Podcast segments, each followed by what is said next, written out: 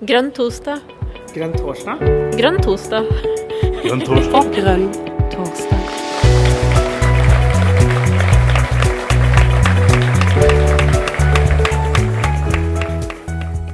Karina. Ja, ja, da er vi her igjen, folken. Hei, hei, hei Jon, og hei Toine. Du kan få lov til å unnmute deg, Toine, så vi kan høre deg. Hei, alle sammen. Velk velkommen, Toine. Hva betyr den C-en? Åh, det er hemmelig. OK. Ja. Oh, ja, da, ikke vi røre på det. Ja. Veldig, veldig bra. Ja. Um, Ja. Velkommen, Toine. Takk. Det er veldig hyggelig å være her. Og så kjenner jeg meg på en litt sånn merkelig måte spent. For jeg bruker å være Vi er jo alle sammen spent når vi skal på en måte i ilden. Men det er noe annet å skal i ilden med sine egne enn en uh, illsint fiskeriminister eller annet. Det her er litt sånn, eh, sånn, eh, litt, sånn litt skummelt rart, syns jeg. Det går, det går sikkert bra. Ja. Da er du den andre av de tre nestlederkandidatene vi skal presentere på Grønn torsdag. Ja. Vi hadde Chris eh, Rokkan Iversen her for en ukes tid siden. Du husker det, Karina? Ja, eh, det demrer. Eh. Nei, det var jo en fantastisk samtale. Og vi har jo store forventninger til deg også, Toine. Eh, vi regner jo med at, at du har like mye av det nordnorske kruttlapperiet i deg. Eh, slik at det kan smelle litt i svingene. Grunnen til at du er her, er jo rett og slett fordi at du stiller deg til rådighet eh, og er villig til å benke mot Lan i dette tilfellet som nestleder i Miljøpartiet De Grønne. Uh, og da synes vi det er bare rett og rimelig at du får en mulighet til å presentere deg på en ordentlig måte, og at de som er med oss i dag, uh, og det er ganske mange, får en fair mulighet eh, til å stille deg noen spørsmål. Og så er jo formatet i dag slik at de andre kan stille spørsmål via chat. Vi har også fått noen spørsmål eh, tilgjengelig på e-post i forkant. Um, men likevel så tenker jeg at det er naturlig å starte med at du sier litt om deg selv. Hvem er Toine C. Sandnes? Takk, Karina. Eh, ja, jeg, tenker det òg er viktig. Fordi at eh, eh, man skal jo til syvende og sist velge et menneske. Og vi mennesker vi er jo så mye mer enn det som eh, vises i et eh, avisintervju eller eh, på et eh, landsmøte, eller hvor vi nå møtes hen, vi De Grønne. Eh, jeg er 51 år blitt, eh, og jeg bor her i eh, ei lita bygd som heter Siggefjord som er i Sortland kommune. Og Sortland kommune det ligger i Vesterålen. Og Vesterålen det ligger i Nordland.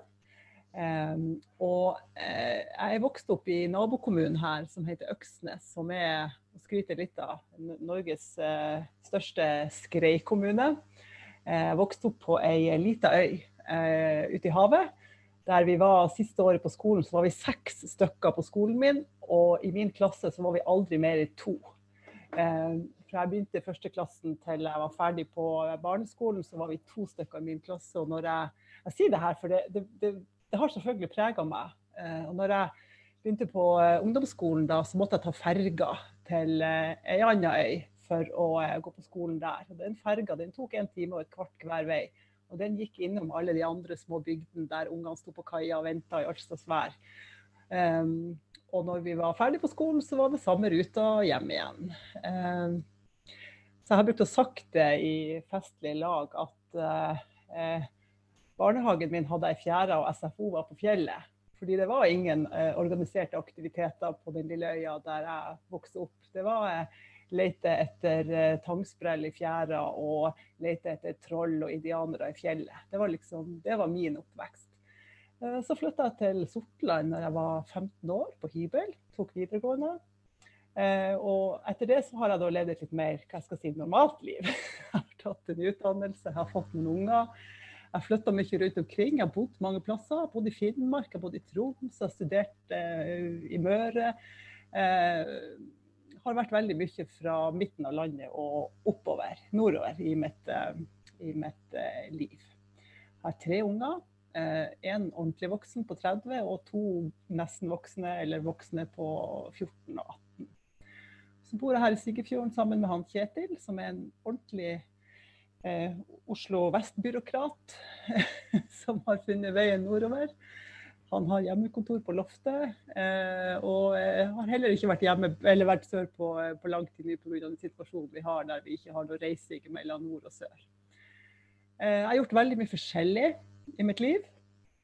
Jeg har vel har gjort gjort veldig mye forskjellig. Jeg har aldri jobba i det offentlige, men jeg jobba i privat næringsliv fra jeg var ferdig på Høgskolen i Møre og Romsdal i 91 eller annet 6. Jeg jobber i fiskeindustrien, har jobba med å selge fisk. Har jobba eh, i leverandørindustrien til oppdrettsnæringa. Har jobba på eh, Jeg har vært prosjektleder, jeg har vært markedssjef og har jobba på Andøya rakettskytterfelt, heter det da. Det heter Andøya Space nå. Jeg har drevet et asylmottak. Jeg har, lagt, jeg har starta opp et asylmottak, jeg har lagt ned et asylmottak. Jeg har um, vært daglig leder i en bedrift uh, som heter Fretex Nord-Norge. Uh, der jeg hadde kontor i Kirkenes. Og bedriften som jeg leda, hadde avdeling i hele Nordland, Troms og Finnmark. Mye reising. Um, ja. Jeg, jeg konklusjonen, Karina Jon, jeg har gjort veldig mye forskjellig. Jeg har gjort mer i det her. Jeg jobber som journalist. Jeg kan ikke ramse opp alt, alt tror jeg. Men eh, jobba, vært eh, Hva heter det? Hadde et godtgjort verv i MDG Nordland eh, i et år med å opprette lokallag og være en sånn type politisk rådgiver, saksutreder på fylket, fylkestinget. Fylkestingsgruppa på én person. Eh, Nå Det siste året så har jeg eh, helt bevisst valgt å være type frilans. Jeg har jobba litt forskjellig. Nå har jeg et eh, engasjement i Fjordkraft eh, samtidig som jeg studerer. Og jeg tar eksamen eh, nå i mai i et studie på Lillehammer. Er du en av de som driver og ringer rundt og spør om vi skal bytte strømleverandør? Nei, ikke nødvendigvis det. Men det kunne jeg lett ha gjort. Jeg syns sånt er skikkelig artig. Men eh, det er jo, hva det var siste Jo, og til våren så, så, tar jeg eksamen på Høgskolen i Lillehammer, dere to. Eh, I et studie som heter kommunikasjonsrådgivning. Og det henger sammen med at jeg er veldig uh, jeg føler meg som et kommunikasjonsmenneske. Jeg syns det her med kommunikasjon, hvordan vi kommuniserer, og hva vi kommuniserer, og hvordan det er kjempe, kjempespennende. Mm. Ja, jeg kunne ha sagt mer, men, men la meg stoppe meg nå. ja, det er det jeg gjør. Det er det jeg gjør. Det er, det er det jeg gjør. For jeg skjønner at du kan fylle en hel time med å snakke om det, og det er veldig bra. Det er kjempeinteressant. Men ja, da tror jeg ikke alle som er på chatten og til stede her, blir helt fornøyd med oss. Eh, eh, men jeg har jo en formening om at du har rimelig med organisasjonserfaring, og du har jobbet ganske lenge, ganske høyt opp også i, eh, i Miljøpartiet. Kan du si litt om det? Ja, eh, jeg jeg måtte faktisk gå og sjekke litt i noen sakspapirer, for jeg var ikke helt sikker sjøl. Men jeg eh, kom inn i partiet i 2014 og oppretta et lokallag her som jeg bor nå, i 2014. Eh, og i 2015 eh, ble jeg valgt inn i styret i MDG Nordland. Der har jeg vært siden. Eh, forskjellige roller. Eh, og så kom jeg, og så var jeg vel ett et år innom i landsstyret før jeg i 2016 Eh, ble valgt inn i sentralstyret, hvis jeg skal tro Ragnhild sine, sine referater. Så jeg har vært i sentralstyret siden eh, landsmøtet i 2016 eh, og fram til nå. Ja. Og i, mm.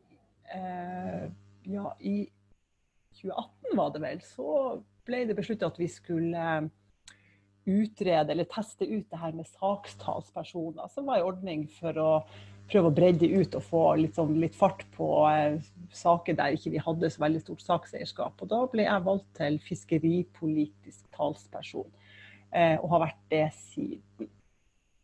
Ja. Mm. Ja. Så kunne jeg sikkert si andre ting om hva jeg har gjort i sentralstyret, og sånn, men det tenker jeg det kan vi ta en senere anledning. Det bør holde. Ja.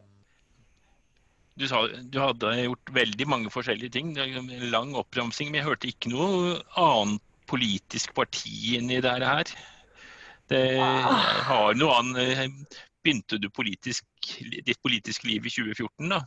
Nei, eh, eh, det er litt hemmelig. Men, eh, men siden jeg skal være ærlig her, så var jeg nok i to-tre år i 2023-2024 så var jeg medlem i SV i to-tre år. Og da eh, satt jeg bl.a. i Andøy i noe som heter fiskeri... Nei, unnskyld, ikke fiskeri. Eh, forsvarspolitisk utvalg. Eh, og så flytta jeg nordover til Kirkenes, og så var jeg vel litt eh, politisk småaktiv der. Men så fant jeg ut at eh, det her er ikke partiet for meg. Eh, og så meldte jeg meg ut. Og hadde på en måte egentlig ikke noen planer om å drive med noe mer politikk hadde nok med mitt liv og mine hobbyer før jeg lot meg engasjere av Rasmus, faktisk. Det var Rasmus som fikk, fikk liv i politikeren igjen når han begynte å gjøre oss synlige på, på TV, så tydeligvis. Så da ble det sagt. da, da, da, ble det sagt. Ja. Um, det, er, det, er, mye snakk om distriktspolitikk og sånn i disse tider. Um, så vi kan jo bare ta noen av de spørsmålene også. Og det er, kan du nevne de tre viktigste tingene du som nestleder vil gjøre for å løfte distriktspolitikken i Miljøpartiet De Grønne? For å løfte distriktspolitikken, ja da er det på en måte underforstått at vi ikke syns at distriktspolitikken er bra nok, eller at han ikke er synlig nok. For jeg mener jo punkt én at vi har veldig veldig mye god politikk for distriktene. Og punkt to at vi burde gjøre mer for å få den mer fram. Eh, og det er jo litt at jeg sitter akkurat her og snakker med dere for, eh, som kandidat til nestledervervet, fordi at jeg har tenkt at det eh, eh bør vi gjøre noe med. Og så vet eh, dere kanskje òg at jeg har sagt og skrevet at jeg oppfatter ikke meg sjøl først og fremst som en distriktskandidat. Jeg sitter ikke her fordi at jeg tilfeldigvis bor i Vesterålen. Jeg sitter her fordi at jeg føler meg godt kvalifisert til det vi, partiet sier de trenger. Og så bor jeg i distriktene, og så brenner jeg selvfølgelig for det her. Så um, jeg mener jo at med å ha en ledelse der eh, vi har litt sånn ulike perspektiver, da, eh, så vil det være lettere å få eh, synliggjort politikken vår for distriktene. Eh, det vil være lettere å, også for de som bor i distriktene, og, og kan hva jeg skal si, fremstå med troverdighet på den politikken de skal legge fram når vi kommer til valgkampen 2021, som på en måte nesten snart er i gang. Jeg tror at det å ha eh, et eh, Nå er det min personlige mening da, at, at vi blir farga av det vi står i og der vi er. Vi blir farga av det vi ser ut av vinduet og det livet vi har. Eh, og jeg tror at med å ha et menneske i ledergruppa som, som ser noe annet, som, som, har et annet perspektiv, så gjør det oss bedre. Og gjør oss bedre rusta til å fronte den politikken som vi faktisk har for eh, hva skal jeg si, jeg bruker å si det sånn eh, eh, De grønne lokalsamfunnene eh, som vi ønsker å få fram. Eh, så tror jeg kanskje, hvis jeg får snakke litt videre om det, at eh, den triste situasjonen som vi står i nå, kanskje, kommer, kanskje vi kommer til å se jeg vet ikke da, men når vi kommer ut, ut av denne siste situasjonen vi er i nå, at den har vært med på å hva skal jeg si, sparka i gang eh, eh, starten på litt sånn smart, smarte lokalsamfunn. Jeg tror MDG skal eh, profilere seg sjøl eh, med at vi distriktene skal bli smartere. Vi skal kreve smart, smartere distrikter. Det tror jeg blir, blir, kanskje litt lettere etter at vi har gått igjennom det vi gjør nå. Der alle er nødt til å tenke annerledes i forhold til hvordan vi gjennomføre og gjennomføre arbeidshverdagen og leve livene våre. Jeg for og Karina ut, Jon. Du får ta over. ja, jeg følger med.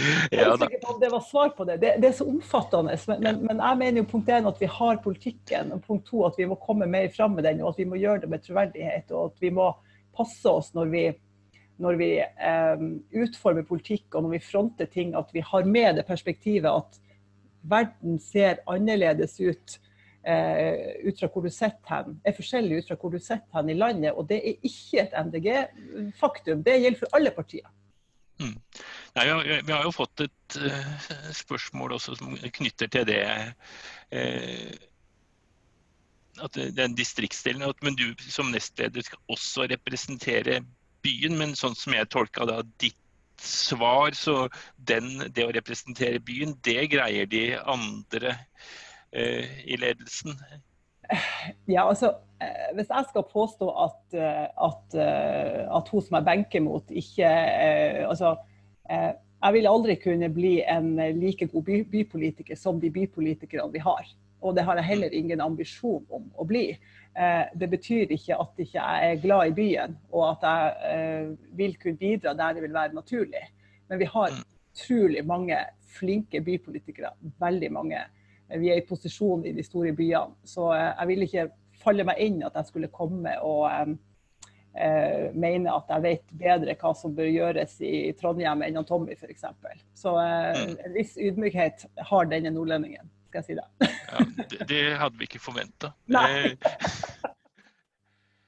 Eh, av de spørsmålene vi har fått inn da, på, på forhånd, så det var eh, litt langt utenfor min kompetanse. Men eh, hva gjør MDG for å stanse uttak av rauåte? Ja. Jeg tror dette er fisk, så her får du En bitte liten fisk, Jon. En bitte, bitte liten fisk. Mm, så vidt meg bekjent, så har ikke vi gjort noe foreløpig for å stoppe uttak av rødåte. Jeg tror ikke vi har noe politikk på hva vi mener om det, men jeg kan godt si hva jeg selv mener om det. Og jeg kan si litt om at jeg vet at uh, fiskere er veldig skeptiske til uttak av rødåte. Rødåte er jo ja, men, men da, da, må du si hva, hva, hva bruker man rødåte til? Ja, Rødåte er, er, er, liksom nederst i næringskjeden. Det er en sånn bitte, bitte små krill som du kan ta opp, og så kan du lage veldig flott olje av det. Sånn type mm. omega-3-olje. Rød omega-3-olje. Eh, og uh, Havforskningsinstituttet sier at eh, vi har masse eh, rødåte, og vi tar bare ut, eller vi gir bare tillatelse til å ta ut lite grann. Eh, og mener at vi har kontroll på det. Jeg vet ikke at partiet har sagt at vi er imot å ta ut rødåte. Jeg personlig er veldig imot å ta ut rødåte i så store mengder at det f.eks. blir nok til fôr til laksen, selv om det i seg selv hadde vært fint. Eh, så, så, tror jeg at vi skal kanskje ha en sånn holdning at vi tåler et ørlite uttak, og at det går til eh, proteiner til mennesker i form av marine oljer. Det kan vi være med på, men at det skal reguleres kjempe, kjempestrengt og at vi må få eh, orden på det her med bifangst. For du får ikke bare rødåte, du får mye annet med også. Eh, men jeg forstår spørsmålet, og jeg tenker at hvis det er et menneske som engasjerer seg for det her, så bør det mennesket sende inn et forslag, begrunna begrunnet forslag til, hva, til, programkomiteen i forhold til hva vi bør mene om det. For det, det, er, det, er, et, det er, et, tema for, eh, for, fiskere i hvert fall, som er opptatt av eh, forvaltning av, av de marine ressursene noe helt annet. Eh, økonomi, det er jo eh, en sånn gjenganger. Skal vi fortsette dagens økonomiske system, eller eh, for å oppnå noen av de tinga vi ønsker, må vi ha en grunnleggende endring av det økonomiske systemet. Hva tenker du der? eh, om jeg tenker at vi må ha en grunnleggende endring av det økonomiske systemet for ja. å få en bærekraftig samfunnsutvikling. Mm. Eh, altså, mitt første svar vil være ja. Eh, og så vet jeg det at eh, det eh, er ikke gjort over natta. Eh, men jeg mener absolutt at vi må over til en samfunnsstruktur som i mye større grad måler si, verdier i, andre ting enn penger. Eh, at vi må ha Nå ser jeg spørsmål som handler om vekst. og da vet du at jeg ser det. jeg ser det på skjermen min. Hva mener du om vekst, så jeg. Jeg vet ikke om det var meningen jeg skal se det, men, men eh, ja, jeg, jeg, er kjent med at vi har jeg er kjent med at noen mener at det går en uh, skille gjennom partiet om hvorvidt at vi skal ha hvorvidt at grønn vekst er mulig. Ja, hvorvidt at vi skal ha vekst og hvorvidt at grønn vekst er mulig. Eh, og, og, i forhold til den økonomiske politikken, så, så, eh, så er det sannsynligvis et, et, fullstendig politikersvar å si at jeg mener at den lille veksten vi skal ha, skal være grønn, men at vi skal sørge for å ha et, en, en, en økonomisk, et, et, økonomisk um, Hvordan skal jeg si det så du ikke blir helt uh, fullstendig politiker? Um, den, vekst, den, veksten vi skal ha, skal være, skal være, grønn, men vi skal sørge for at samfunnet er rigga på en sånn måte at vi, uh, vi unngår uh, best mulig vekst. Jeg blir sikkert arrestert på det, for jeg hørte at det var et politikersvar. Eh, men, ja. men, men eh, det, er det, det, er det, svaret jeg har eh, i dag. Mm. Mm. Ja. Oh, for eller imot Nato? Jeg ser den jeg, tror jeg, skal velge, jeg tror ikke du skal se for mye der, for jeg tror jeg skal velge spørsmålet. ja, ja, ja. Men du tar jo for gitt at du kommer til å, til å vinne. Kommer du da til å flytte til Oslo hvis du skulle bli nestleder?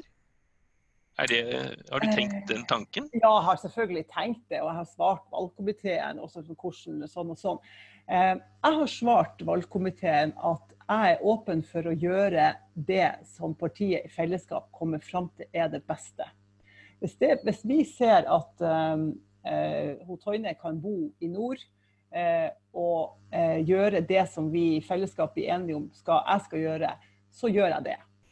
Og er i Oslo så ofte som det trengs. Men hvis man ser etter hvert, eller fra starten av, at de gjerne vil at jeg skal være i Oslo, så er jeg villig til det. Eh, og så er det en del av min hva jeg skal si, profil i det her at jeg har eh, lyst til å være veldig, veldig, veldig mye ute der folk er, der partiet er. Så ikke i Oslo for å være i Oslo, og ikke i Vesterålen for å sitte i Vesterålen, men eh, være, der, være, mest mulig ute i organisasjonen. Det er min plan eh, om når jeg blir nestleder. Ja. ja. Eh, det dukka jo da opp et, eh, et, annet spørsmål som følge der. Da. Stortinget. Det er jo et stortingsvalg sannsynligvis eh, i 2021. Det er i hvert fall planen. Det får vi håpe. ja. ja. Eh, er det noe som du har fundert på? Nå, ikke, nå, bestemmer jo ikke du om du kommer på toppen av den lista, men du kan gjøre et forsøk. Ja, ja altså jeg mener det er veldig naturlig at uh, alle lederne og nestlederne gjør det de kan for å komme på Stortinget. Uh, det er mm. nok en gang sånn at uh, det er der det, det, meste skjer i forhold til på et sånt nivå. Så ja, nei, det er ikke opp til meg å avgjøre hvem som, eh, som, skal bli nominert og hvem som skal bli valgt å stå på topp. Og det er ikke det enkleste oppgaven å bli valgt inn fra Nordland. Eh, det vet jeg, for jeg var jo toppkandidat i 2017, så jeg vet hvordan det er.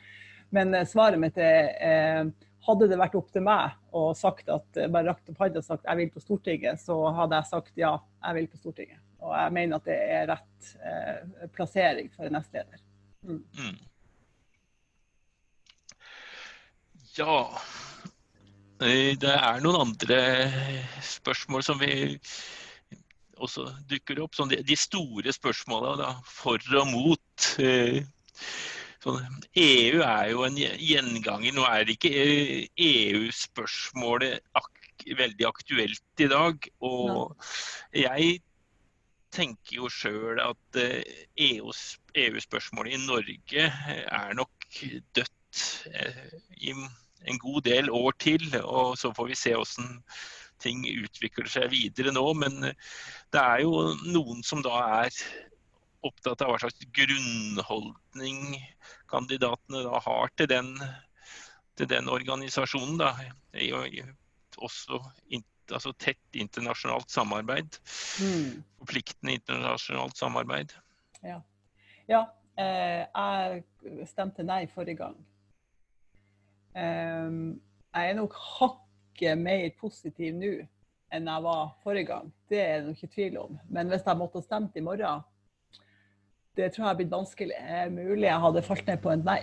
Uh, men, uh, men, hadde det blitt et ja, så hadde jeg nok ikke gått i kjelleren på den måten som jeg hadde blitt hvis jeg hadde blitt ja sist, for da var jeg veldig engasjert. Uh, nei. Um, ja.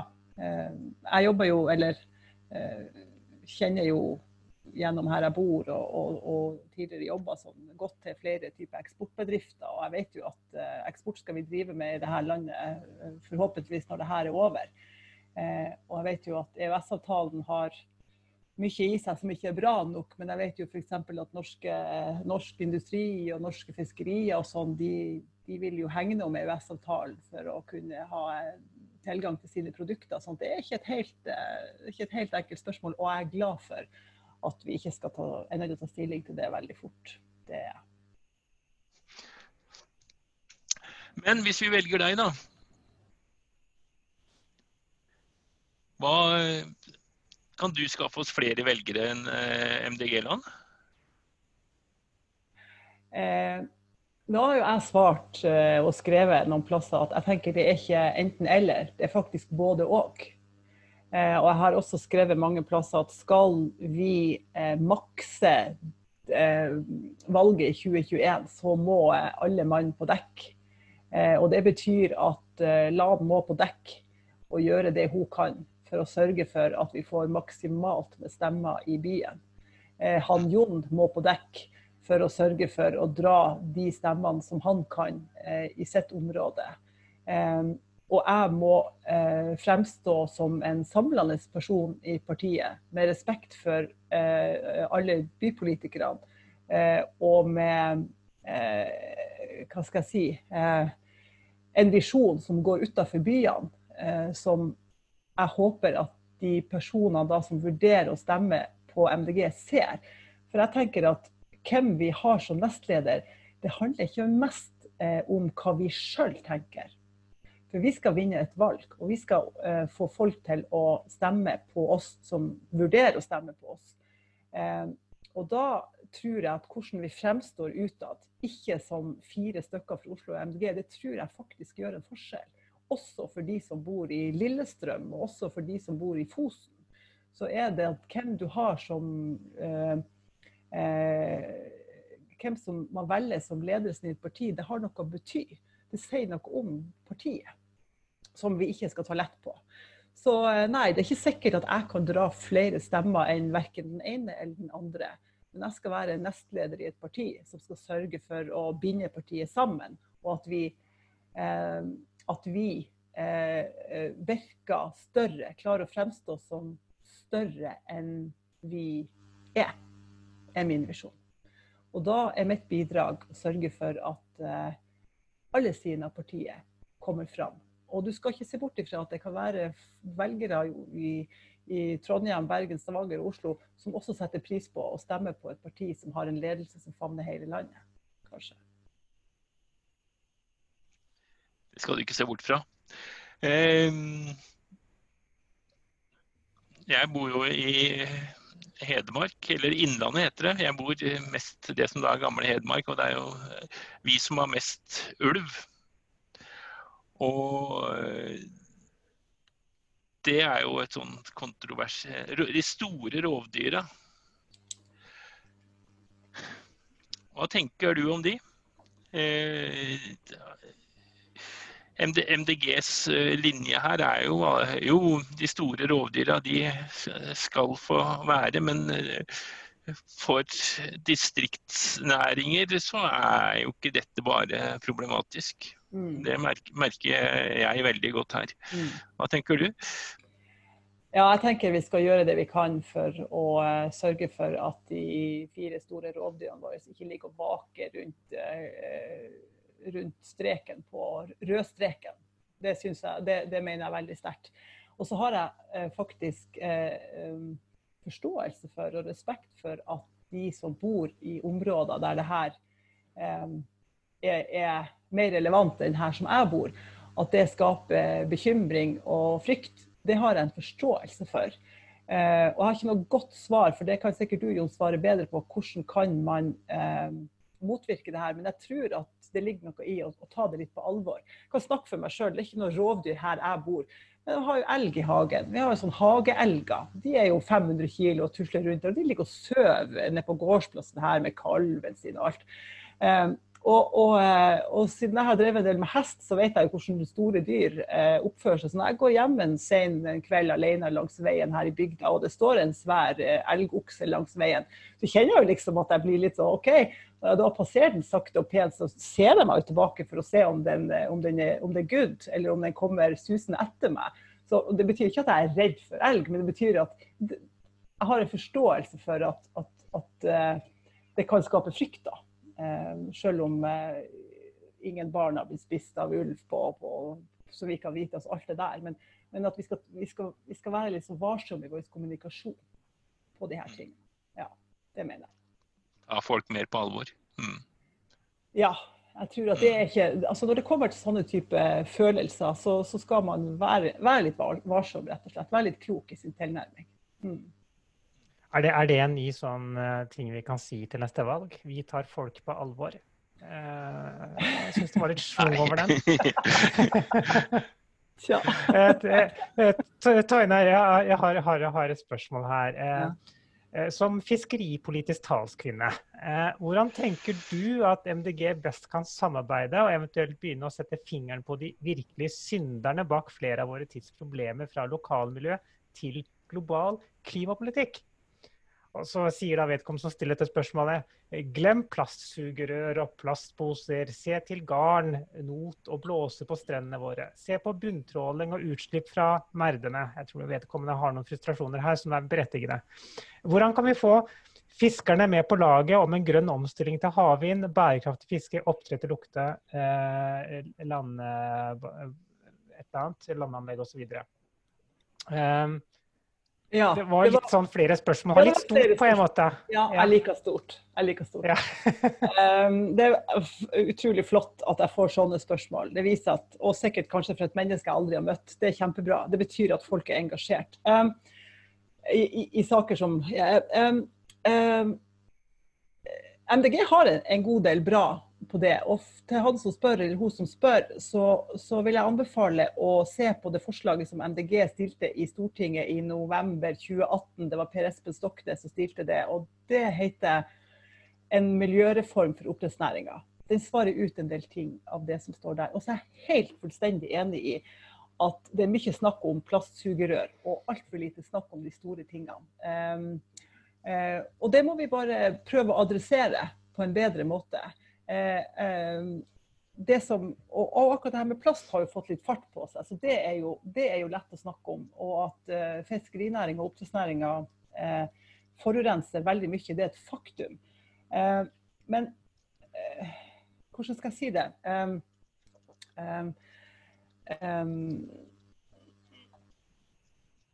det er min oppfattelse at det er mye Eh, si det litt sånn flåsete, mye fine ord i forhold til eh, hvordan vi skal løse og adressere de her problemene når, eh, fra regjeringa. Men når det kommer til praktisk politikk, så ser jeg ikke det gjennomført i den praktiske politikken. Og Der må MDG rett og slett bare være på hugget enda mer enn vi har vært for å adressere de her store spørsmålene mer. For det har vi masse å gå på. Og så er det et felt som, i hvert fall innenfor fiskeri, som ikke så veldig mange er interessert i. Og dermed så er det liksom altfor lite eh, oppmerksomhet rundt det. Ja. Mm. Jeg kunne ha mm. svart mye mer. Hvis vedkommende ikke fikk Ring meg en dag. Ja, jeg får ikke lov å dra på hytta, så skal vi snakke om det her. Eh, og engasjere deg. Ja. ja vi kan, jo, vi kan, jo, skrive ned på at, at, du er engasjert når det gjelder fiskeripolitikk. Eh, men over til en litt annen sak. Vi, nå må vi tørre å hoppe litt frem og tilbake. Eh, denne pandemien som eh, skjer nå, eh, som jo de fleste av oss eh, Nesten litt dumt å le, men, men, de fleste av oss eh, er jo på forskjellig vis rammet av den. Eh, enten det er fordi vi sitter hjemme, eller fordi vi faktisk kjenner noen som er blitt syke. hva tenker du om det som skjer? Ja, skal jeg tenke om det ut ifra MDG? Er det det? Ikke, ja. For det er jo ikke noe epidemiologi. epidemiologi. Ja, ja. Det er poli politisk tenkning. Jeg tror, jeg tror, at vi skal være veldig, veldig Jeg tror at MDG skal være veldig våken nå. For jeg tror personlig at når det her er over, om ikke så lenge, så tror jeg at veldig mye av diskusjonen politisk kommer til å dreie seg om verdiskapning da ligger vi, vi eh, verden, Europa, kanskje nesten med, med, brukket rygg. Og jeg tror det blir kjempevanskelig hvis vi da kun skal snakke om klima eh, og miljø. For jeg tror det blir mindre fokus på klima og miljø. Og for all del, Karina, det her er mine tanker. Det, det er bare mm. mine tanker. Eh, og det, det, er den kampen vi skal inn i når det her, når det her er over. Eh, da må vi kunne med troverdighet snakke om næringsutvikling. Vi må kunne snakke om finans og økonomi og skatt. ikke sant? Og det at vi er en eksportnasjon. Da må vi, og Jeg sier ikke at jeg kan snakke om alt det her, men, men partiet må fremstå eh, eh, eh, må være, i det her, må være i de her diskusjonene. For ellers så kan det bli eh, Risikerer vi at, eh, at man bare skal kjøre på med, med, mer av det gamle for å komme på fote igjen. Jeg får ta ett eksempel, siden det var en menneske her som var interessert i, i fiskeri. Eh, Nå, eh, for et par uker siden, så gikk den nye fiskeriministeren ut og oppheva de restriksjonene som oppdrettsnæringa har i forhold til hvor mye fisk de får lov å ha stående i merdene. eh, og hvor lenge de får lov å stå i merdene. Så de, de opphever disse restriksjonene. Og, og resultatet er at eh, næringa nå har problemer med å kvitte seg med fisken fordi at markedet kollapser. Og hva gjør vi da? Jo, vi produserer mer fisk. Ja. Eh, kjøp den. De som, altså, jeg forstår det ikke. Men, men, en del sånne ting kommer vi til å se. Ulogiske ting skjer. Og da tenker jeg at det er kjempeviktig at vi sørger for at vi er rusta til å snakke om eh, å få snakka om klima og miljø inn i den settinga som kommer til å handle om næringsutvikling, økonomi, skatt, finans. Alt det her som, eh, som kommer til å, å ligge der når vi, er, når vi forhåpentligvis snart er ute av det her. Mm. Og så er det jo eh, noen som er våkne her da, og følger med, og det er veldig bra. fordi at i, i lys av pandemien da, og de økonomiske utfordringene, så har jo også det tankene om eh, borgerlønn, eller grunnlønn, som noen kanskje andre velger å kalle det, mm. har også dukket opp. Um, uh, har du tanker om uh, borgerlønn, spør vedkommende, for Norge er en sak vi som samfunn, MDG som parti, bør jobbe for? Ja, altså Vi har jo borgerlønn, det står jo i programmet vårt at vi skal utrede mm. borgerlønn. Og så kan jeg kanskje være enig med hun som muligens gjetter at hun mener at det ikke er blitt fulgt opp godt nok. Det har ikke vært noe uh, heit potet, uh, er mitt inntrykk òg, i partiet vårt. Jeg ønsker å fronte borgerlønn. Eh, og jeg har eh, litt sånn personlig for det. fordi at de årene eh, når jeg eh, jobba i Fretex, når jeg var daglig leder i Fretex, jeg var det i seks-sju år Fretex det er et um, selskap som er heleid av Frelsesarmeen. Eh, og i de årene da jeg på en måte jobbet, var ansatt i Frelsesarmeen, så eh, fikk jeg eh, oppleve eh, litt av hvert av samfunnets side som jeg ikke kjente til fra før. Eh, og jeg fikk kjenne, se og oppleve hvordan mennesker som absolutt skulle ha trengt en base som en borgerlønn. Eh, hvor, hvor um, Hvordan skal jeg si det uten å bli emosjonell, men um, hvor, hvor, hvor, vanskelig det er å være den som er nederst, eh, og Eh, skal være nødt til å forholde seg til eh, et Nav-system som, som, ikke er for alle. Et sosialsystem som ikke er for alle. Det å ha en, en verdighet i til i livet sitt i slutten av livet. altså i, som, som, som, vi kunne ha gitt folk hvis vi hadde kunnet innført borgerlønn for, for den som trenger det. Og så er det sikkert måter å gjøre det på så det oppleves mer rettferdig. Det har ikke jeg satt meg så veldig godt inn i, men, men eh, ja jeg, jeg, vil være en, en, en sterk forkjemper for, eh, for, å teste ut borgerlønn. Mm, mm.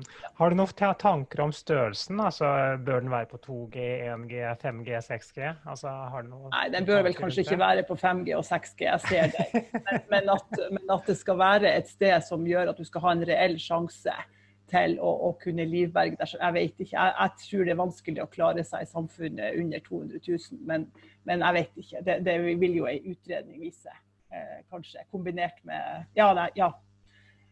Jeg vet ikke. Der, der omkring et sted. Mm. Ja, nettopp. Ja, men Så bra. Takk skal du ha. Ja, det dukker opp mye, spør mye spørsmål om uh, fisk og sånn her, da, Karina? Ja, det gjør det. Og, og jeg tenker at det er veldig bra. Men jeg vil ikke at det skal handle bare om fisk i en hel time. Eh, så jeg håper at, at, at, noen tilgir oss for at vi ikke tar alle fiskespørsmålene. Men de må, ringe, meg, de må ringe meg, Karina. Ja. Skal vi snakke masse om det? For det, jeg tror jo det er veldig få i MDG som er spesielt opptatt av fisk. Men finnes dere, så ring ja da, og, og, og, i hvert fall en del av de som er veldig opptatt av det, de er her. Og det er veldig hyggelig, tenker jeg. Nei, men bra. bra. Det har vært litt innom eh, grunnlønn eller borgerlønn også. Og så tenker jeg eh, i forhold til Nå hopper vi litt igjen.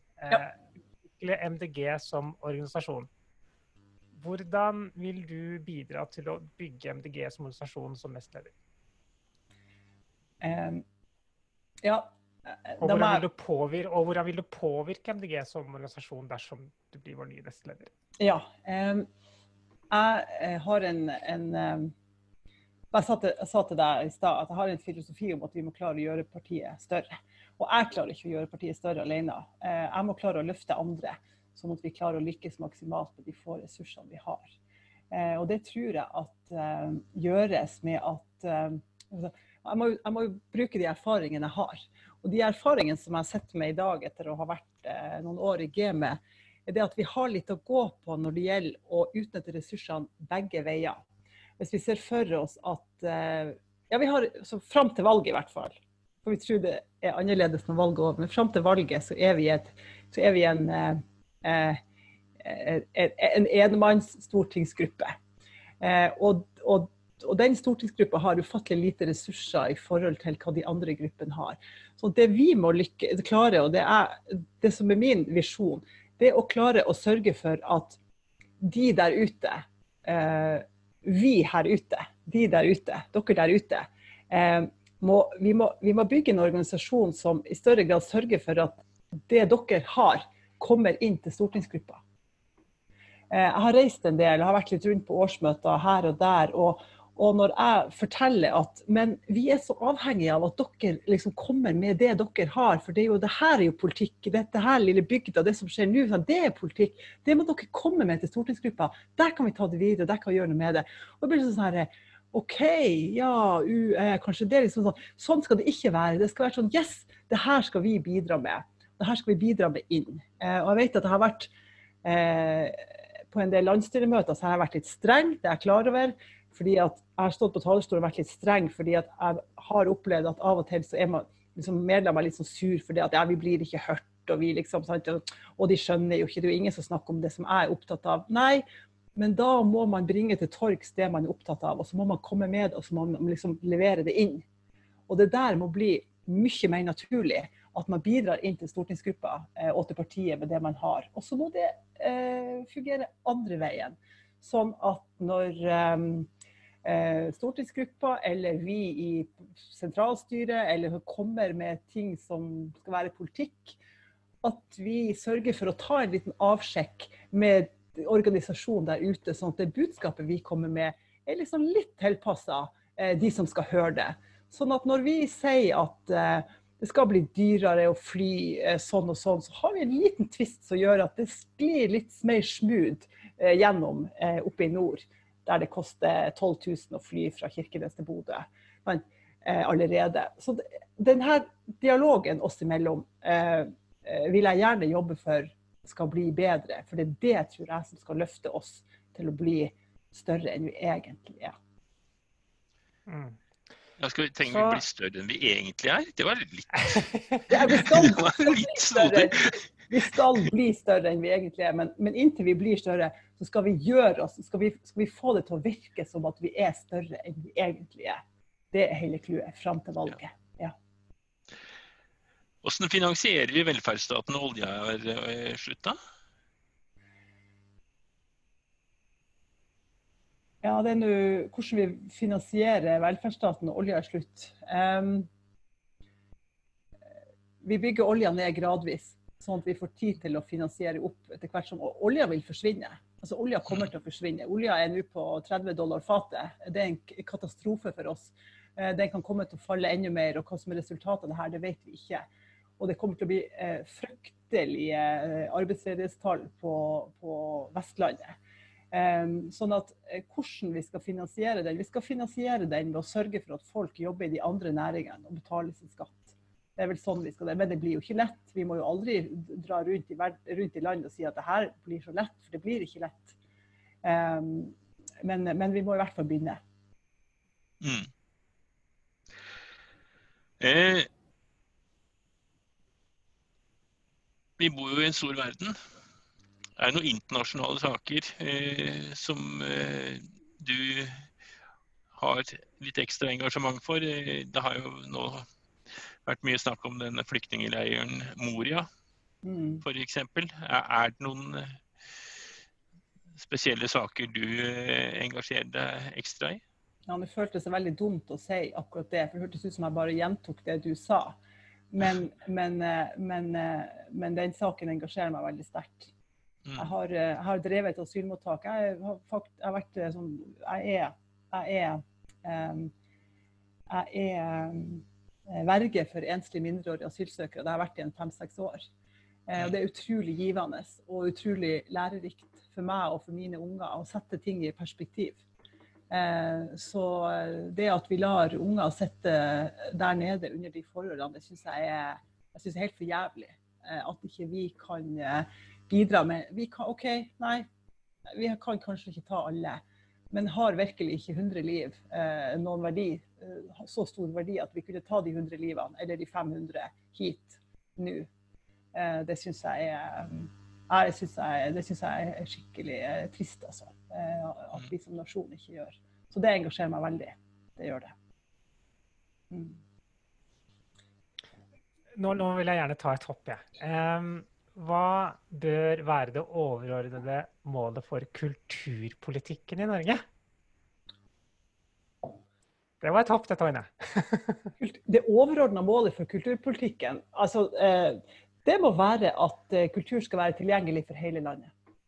Og at vi ikke skal sulte våre kulturinstitusjoner sånn at vi eh, ikke får god kultur i hele landet. Det tror jeg virkelig jeg syns er viktig. Men om det er det overordna altså vi, vi, vi, må ikke sultefòre kulturen. Hva mer kan jeg si smart om det? Um, nei, jeg vet ikke. Men det, det, det. Kultur til hele landet. ja. Ja. ja men, nei, men det er for så vidt uh, greit, uh, Toine. Vi vet jo at det er fiskeri fiskeripolitikk du har jobbet mest med, men eh, vi må jo ta noen sånne sidespor innimellom, sånn at vi får testet deg i litt sånn stress. da. Det er jo noe av poenget her. Um, men bare for at du skal lande, da. Kan oppdrettsnæringen noen gang bli bærekraftig? Ja. Neste spørsmål. Jeg tror ikke Tommy er fornøyd med det svaret. det, kan, det, klart den kan bli bærekraftig. Det er et godt stykke å gå, men den kan bli lukka. og den kan, altså det, det lukka anlegget vi har her på Andøya, de skal jo ha en liten vindmølle som skal surre og gå. og de skal bli, Jeg tror, jeg tror oppdrettsnæringa kan, kan, bli bærekraftig, men, men uh, gud hjelpe meg, de har et langt stykke å gå. Det var, ja. Eh, det er også noen som eh, lurer litt på eh, oppvekst, barnehage, skole. Er det noe, noe du ville ha, ha engasjert deg i? Noe, noe, noe, spesielle ting innenfor det området? Du snakka jo om at du hadde brukt mye tida i fjæra. Eh, hva var egentlig spørsmålet? Eh, jeg, jeg, jeg, har jo tre unger. Hva brenner du for innenfor dette området? Eh, innenfor oppvekst, oppvekst. Ja. oppvekst, barnehage og skole. Ja. Hva brenner jeg for? Nei. Um, nå blir jeg litt sånn, Du kjenner at nå kommer jeg bli sånn distriktsdame, da, fordi at det som er ofte er utfordringen i distriktene, sånn som jeg kjenner det, er det at det er knapphet på ressurser. Altså de små kommunene er, har for altså, eh, Overføringen til kommunene eh, de små kommunene går ned. Eh, det gjør at eh, det blir dårligere tilbud over hele fjøla, som gjør at i neste omgang får enda mindre overføringer fordi at eh, folketallet går ned. Så en sånn ond nedadgående spiral. Eh, og jeg vil tenke at det å sørge for at skolene har god nok kvalitet, også, de, også, i de små plassene, og sørge for at det finnes eh, eh nok ressurser til skolehelsetjeneste, f.eks. Helsesøster på skolen. Det brenner jeg for, for det, det, vet vi jo, og det har vi jo programfesta at vi er et parti som ser verdien av forebygging. Eh, og da må vi sørge for at, eh, at det er ressurser eh, ute i skolene til forebygging for, for unger. Så det, der kjenner jeg at jeg har et engasjement, i hvert fall. Mm. Det dukker jo opp litt hele, Ja, Skal du ta spørsmål om heldagsskolen, Jon? Ja, det var det jeg tenkte. Det er, ja. Da tenker vel jeg det at uh, heldagsskolen, da sier Toine at det er en bygreie, eller? Nei, uh, jeg, jeg, er, jeg, er, litt uh, skeptisk til heldagsskolen, det må jeg si.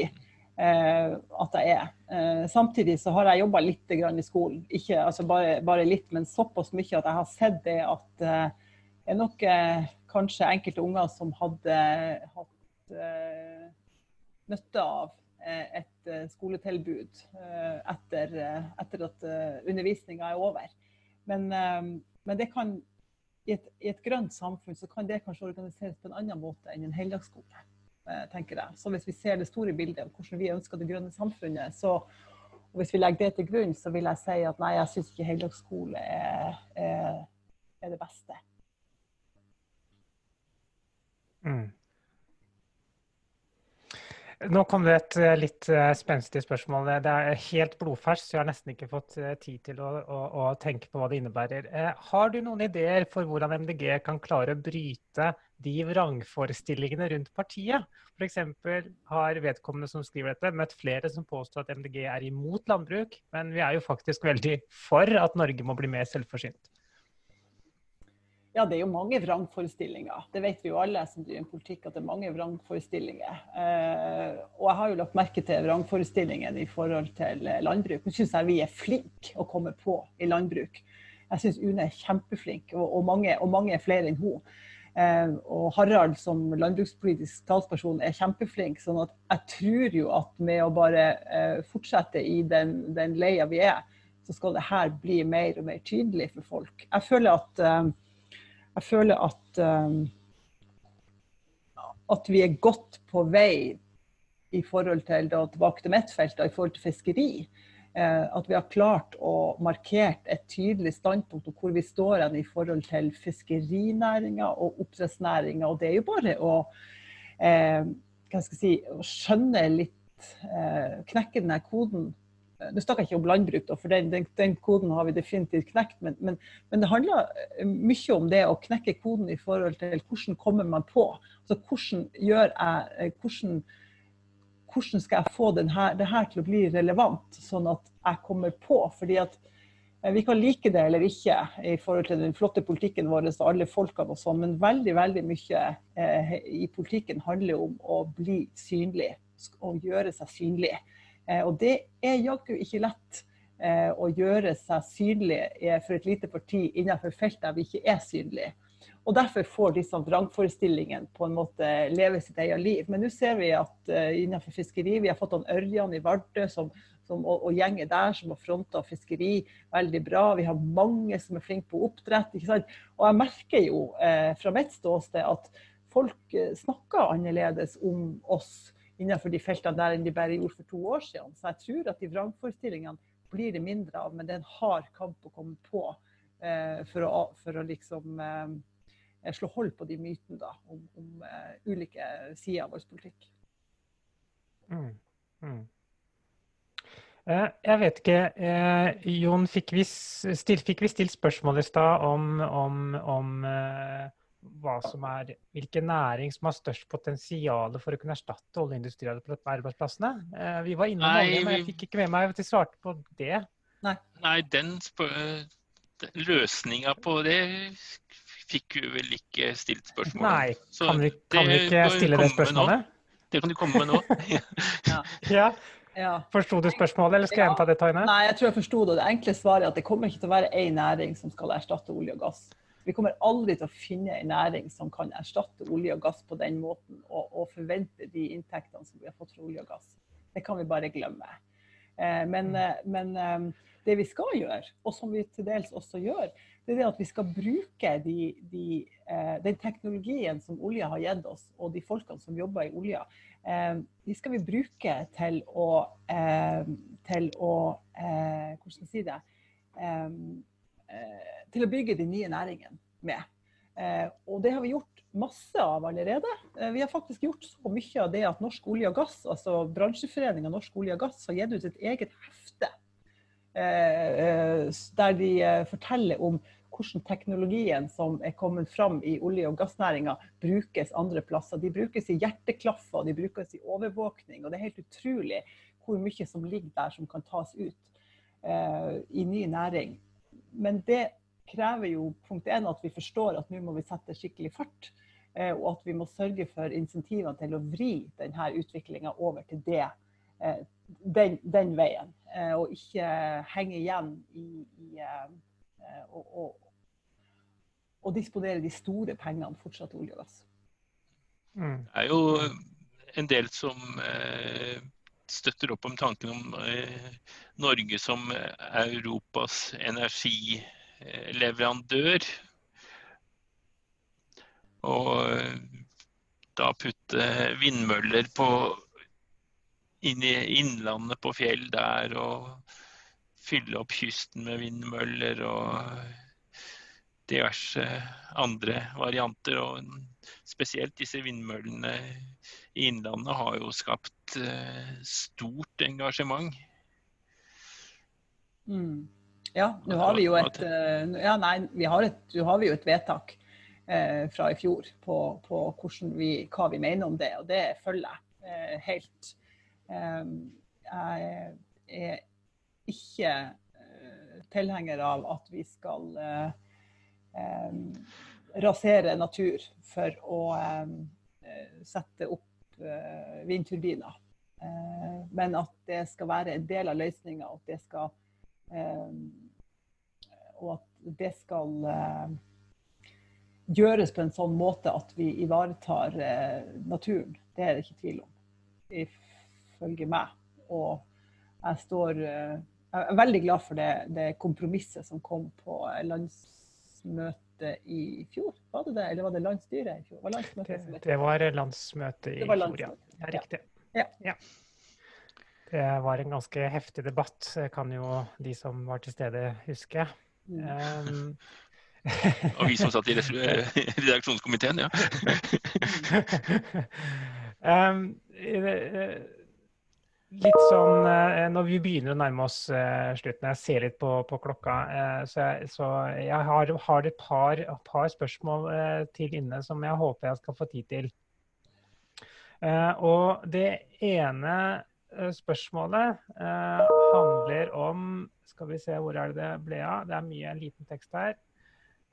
jo, Spørsmålet er formulert som følger. Har du som fiskeripolitisk talsperson påvirket velgerne gjennom media til å bli mer kritisk til åpne merder, trafikklyssystemet, lakselus og bruken av leppefisk? Det hørtes ut som et ledende spørsmål. Eh, hva tenker du?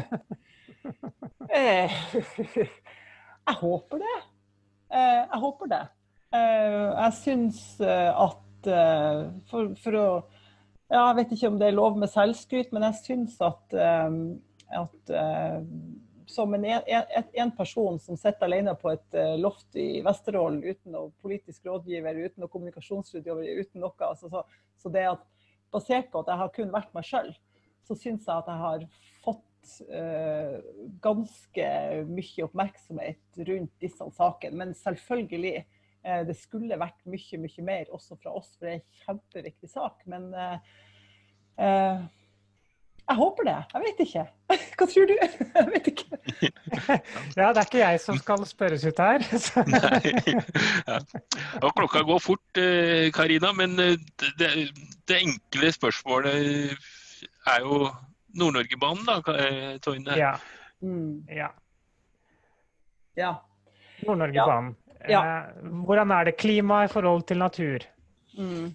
jeg tenker at jeg tenker at Eh, ikke klima. Ja, men jo klima. Ja, jeg tenker at um, det er fornuftig om vi lander ned på at vi først og fremst ser på en uh, bane som går fra Tromsø til Narvik. Ja. Det er enklere, um, enklere å bygge. Uh, mindre inngrep. Dog inngrep, men mindre inngrep. Uh, og så vet vi ikke hvordan framtidas jernbane ser ut. Det kan jo hende at det er mulig å bygge det på en sånn måte at det ikke Ja, litt annerledes enn tradisjonelle. Mm. Jeg tror det, det, er en ball vi skal være på. Det tror jeg absolutt. Eh, ville du snakket for og jobbet, eller, eller, eller, eller, jobbet for å avprivatisere norsk eh, jernbane? Eh, nå må jeg tenke meg om avprivatisere. Altså eh, ja. Eh, eh, jeg vil Ja, det tok litt tid å la det synke inn. Det var, ja, ja det, det, vil jeg nok. Ja, det var litt sånn snublefotspørsmål. Enig i det. Eh, så eh, liten eh, Ja, nå er egentlig tida snart ute, men, men Så da, da passer det også å stille et sånt lite spørsmål om kjernekraft. Hva tenker du om det? Veldig, veldig kjapt. nei. nei. Var det nei for at ikke du ville si noe om det, eller? Nei, nei da, det er fordi at jeg vet veldig mye om det. Kjæresten min sitter på loftet, han er ansvarlig for nedstenginga av de kjernereaktorene vi har. Så jeg vet såpass mye om saken at jeg vet at svaret mitt er nei. Ja, OK. Ja, nei, men det er en ærlig og fin sak. OK. Det siste, på eh, det siste spørsmålet så svarte Toine nei. Det var ja, klart. ja, det var veldig, veldig, veldig klart. Ja. Veldig bra. Eh, Da er vi jo egentlig um, ferdig med, med, med timen vår. Jeg syns det gikk veldig fort, det her. Eh, Kan det stemme? Ja, Ja, det kan stemme. Det er Veldig, veldig bra. Nå er det sånn da, folkens, at eh, tirsdag eh, så blir det eh, grønn torsdag på tirsdag. Eh, og da er det Dan Nei, som du, kommer til du tuller nå. det er sant. Grønn torsdag på tirsdag. Ja. Ja, det er, eh, sånn blir det. Fordi at vi neste torsdag er en skjærtorsdag. Og det er, vi, vi prøver å holde hele dagen hellig uansett hvor eh, vi er eller ikke, så gjør vi det. Vi skal nyte påsken, folkens. Men tusen takk for et eh, nydelig møte.